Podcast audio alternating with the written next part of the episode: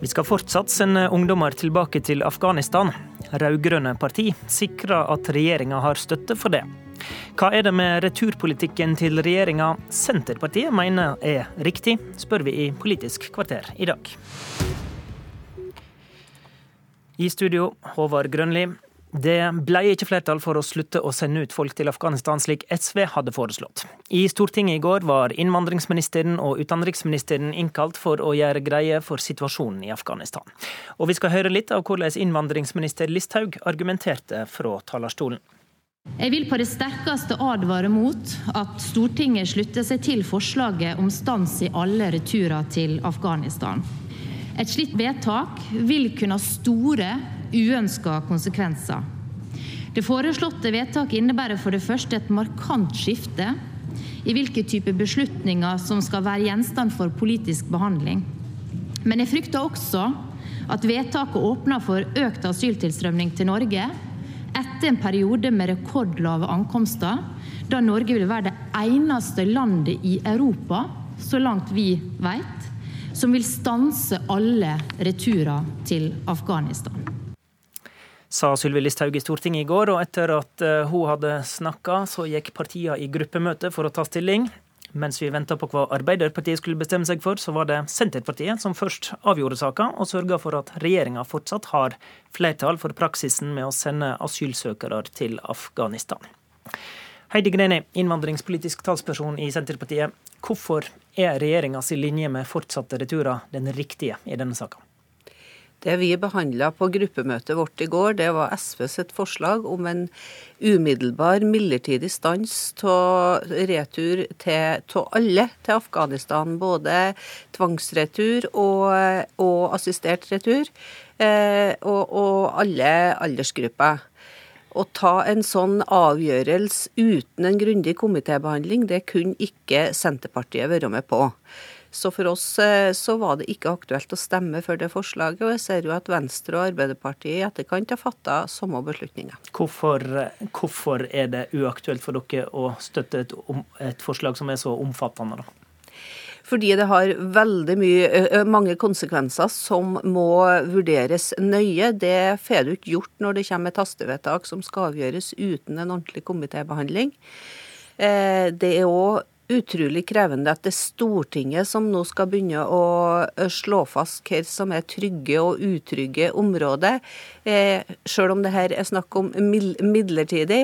Eh, for meg er det viktig at det fortsatt er en faglig vurdering, en løpende faglig vurdering, hva det er som er trygge og utrygge områder. Eh, Sånn som det er i dag, så er det UDI som fatter den beslutninga etter løpende vurdering og etter informasjon fra Landinfo. Eh, de sitter, kanskje på eh, sitter i hvert fall på kompetanse i stortingsrepresentantene ikke har, og de sitter også kanskje på opplysninger som ikke er offentlige. Og vi, og vi hørte jo Jeg mener det bør fortsatt, fortsatt bør være en faglig vurdering som, som, gjør, som, bestemmer hva det er som er trygge og mm. utrygge områder. Ja, det var nettopp det jeg skulle til, for Vi hørte jo Listhaug her argumentere for at dette er noe som ikke skal være gjenstand for politisk behandling i Stortinget. Det betyr at du er enig i den linja fra sittende regjering, da? Ja, jeg er enig i at det der ikke skal være gjenstand for politisk behandling i Stortinget. Vi skal legge rammene for, eh, for, eh, eh, rammene for hva som skal vurderes. Men å gjøre den faglige vurderinga i Stortinget, det mener jeg blir galt. Vi ser jo at europeiske land vurderer det her forskjellig. Vi betrakter området som utrygg, som andre land betrakter som trygg, og vice versa. Og Det betyr at dette er veldig komplekse saker som er, som er, til løpende vurdering, og som Stortinget ikke bør fatte vedtak i. Ok. Karin Andersen, forslagsstiller fra SV. Til Dagsrevyen i går så sa du at nå har Senterpartiet gitt regjeringa et kjempestort spillerom til å gjennomføre Listhaugs skremmepolitikk. Hva mener du med det? Ja, og det har de gjort i flere år nå. Eh, og det er litt trist å høre Senterpartiet sitte og feilinformere om det som er foreslått. Vi har altså ikke foreslått at disse beslutningene skal tas i Stortinget.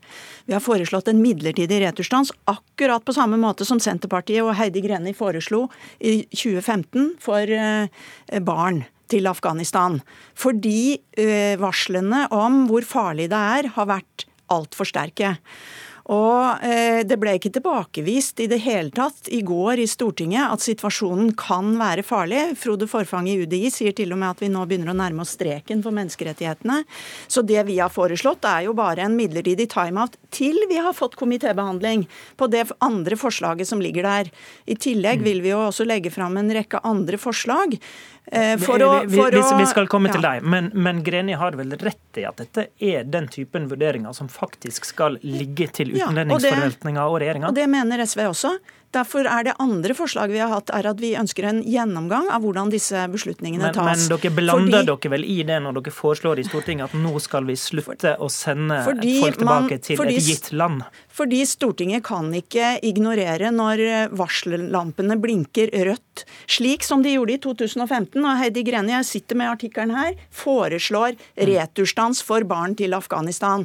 Da var varslene 'dette er farlig'. De varslene har Stortinget fått, og det kan ikke Stortinget ignorere. Og Det vi har mm. foreslått, er altså en midlertidig stans til vi kan få sett hvordan dette systemet fungerer. For det har vært et veldig sprik mellom de eh, åpne rapportene som har kommet, og det at Norge sier at det er trygt. Og så sier da de som skal forvalte dette, altså UDI nå Forfang, som sier at de har blitt pålagt innstramminger og innstramminger og innstramminger, også i disse vurderingene, som gjør at vi er der vi er i dag. Og Derfor mener vi vi skal ha en god komitébehandling, seriøs behandling. Stortinget skal ikke ta disse beslutningene, men det må være åpenhet rundt dem, slik at det er mulig å forstå hvilke fakta man bygger på. Grené, nå viser Andersen også til eh, din egen politiske historikk her. Dersom du hadde vurdert det sånn da, at regjeringa handla på tvers av menneskerettene og satte liv i fare, hadde du kunnet satt dette styringsprinsippet ditt til side da? Hvis eh, jeg har trodd at vi, Norge handler på, på tvers av menneskerettighetene, så er ikke det innenfor det mandatet som vi har gitt gjennom asylforliket. Eh, for det er en klar, eh, klar, begrensning der, at vi skal holde oss til våre internasjonale forpliktelser. Ok, Men du ble men, overbevist av statsrådens framlegging i går, da? Ja, jeg må si at det er det er krevende òg for det signalet vi sender ut. Det, det må vi ta inn over oss. Selv om det er snakk om en midlertidig stans, så sender vi da et signal som eneste land i Europa eh, da skal ha en stans av uttransportering. Da sender vi et signal om at eh, om at eh, det vil helt eh, Sannsynligheten er veldig stor for at vi da ville få en økt tilstramming til Norge. Eh, noen, men, men, men, Heidi, nå er det altså sånn at noen av de som har flykta videre fra Norge, f.eks. til Frankrike, så sier Frankrike de har rett til å sende de tilbake igjen til Norge, men de gjør det ikke.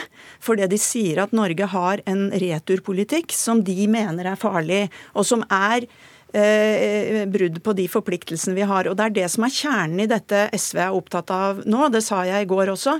Dette handler om kjernen i asylpolitikken, nemlig at vi ikke har lov til å returnere noen til fare. Vi mener at det ikke er fastslått Eh, på trygg nok grunn, at vi kan være sikre på det. Jeg hører at du mener at Listhaugs forsikringer er det, men hennes forsikringer gikk jo ut på nettopp det du sier nå, nemlig at da, da virker ikke skremmepolitikken lenger.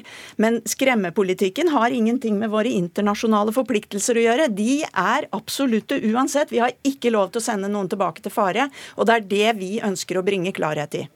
Og nå ligger det mange andre forslag til behandling i komiteen, bl.a. forslaget fra Arbeiderpartiet om å se på sårbarhetskriteriene.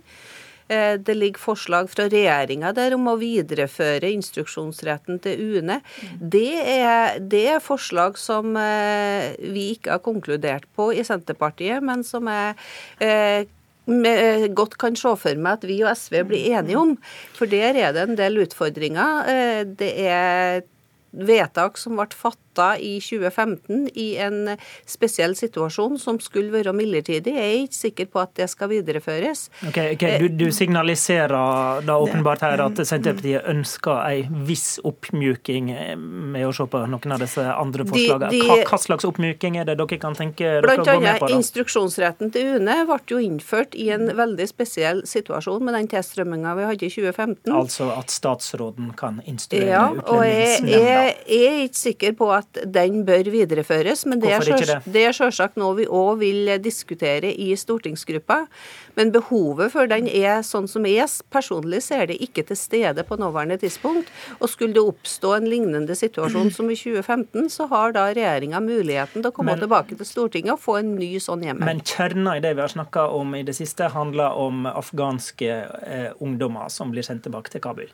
Syns fordi de har fått midlertidig opphold. Syns Senterpartiet at det er for mye bruk av midlertidig opphold for slike ungdommer? Vi er nødt til å ha en revidering av praksisen av midlertidig opphold. Eh, midlertidig opphold er jo en, eh, noe som har vært praktisert helt siden 2009. Men praksisen har jo blitt vesentlig endra det siste året. Så, så, så svaret er ja, dere så, syns det er for vi, mye bruk av dette? Så vi, eh, vi, mener vi skal se på praksisen av praktiseringa av regelen om midlertidig opphold. Og annet så vil jo den, den vurderinga av sårbarhetskriteriet være en del av den, den vurderinga. Og det er, jo, det er jo bra for det, da erkjenner man at dette kanskje har gått for langt. Men det er jo en del av de panikkvedtakene som Senterpartiet var med på. Og kanskje det aller viktigste der er at de fjerna rimelighetsvilkåret. Altså De sa nei til innstrammingene på enslige mindreårige asylsøkere, men samtidig sa ja til et annen lovendring som ga mye større virkning. Og, og, det var jo ikke en hemmelighet at det ville virke sånn den gangen eh, også. Er, og pluss at man har gitt denne instruksjonsmyndigheten. Og det er jo nettopp det som er å politisere disse beslutningene. Det stikk motsatte av det SV vil, nemlig at vi skal lage, Stortinget skal lage lovene, forskrifter skal ut på høring, det skal være åpen debatt om dette. Og så skal forvaltningen praktisere dette. Og UNE bør være minst domstolslignende, helst helt fristilt. Men Senterpartiet har vært med på å legge det under Listhaug med instruksjonsmyndighet. og Da blir det en del av forvaltningen, og det er det som er å politisere dette. Greni til slutt. Og Det var vi med på i en veldig spesiell situasjon, der det var behov for at de hadde en sånn instruksjonsmyndighet. Nå er vi tilbake til en normalsituasjon der vi sannsynligvis vil vurdere det slik at behovet ikke lenger er til stede. Ok, Takk til Heidi Greni og Karin Andersen. Inne i studio har politisk kommentator Magnus Unnskyld, Magnus Takvam kommet. Eh, denne arbeidsdelinga mellom regjering og storting som vi hører Senterpartiet snakke om her, hvor viktig argument har det blitt i denne saka som eh, nå stranda i Stortinget i første omgang? Ja, Det er klart det er en viktig del av uh, debatten. Og f.eks. Arbeiderpartiets leder understreka i går etter partiets gruppemøte at det etter hans mening vil, vil, være feil dersom på en måte Stortinget overtok ansvaret for når man skulle Eh, stanse henholdsvis åpne for returer igjen, slik han formulerte det. Fordi da måtte Stortinget også hele tiden vurdere når, hvilke kriterier eh, som skal til for at man skal oppheve det. Men det er det åpenbart hans... Eh, ikke entydig hvor den grensa går? Nei, men det er, nå, det er nå det ene. Det andre var at man innkalte disse statsrådene for å ansvarliggjøre regjeringen for sikkerhetsvurderingene, slik at da f.eks. stortingspartier ikke plutselig fikk politisk belastning ved eh, når, når eh, asylsøkere ble returnert og kom i fare i Afghanistan. Slik at det var ingen tvil om at man visste, tror jeg, da, på forhånd hva de to statsrådene ville komme til å si, fordi de reflekterte jo bare det utlendingsmyndighetene og UDI hadde sagt i løpet av de siste ukene. Men det som vi hører her, er at er, eh, selv om da Senterpartiet og Arbeiderpartiet har markert nei og sagt nei til dette hastevedtaket om stans i returer, så er det åpenbart at de mener at praktiseringen av midlertidighet overfor uh, denne gruppen av uh, unge asylsøkere er for stram. Mm. Og det er derfor de introduserer disse forslagene om sårbarhetskriterier, der man f.eks. for, for Eh, disse unge, når de, deres sak blir behandlet, så skal man ta stilling til har de nettverk i det området der de blir returnert til Kabul f.eks.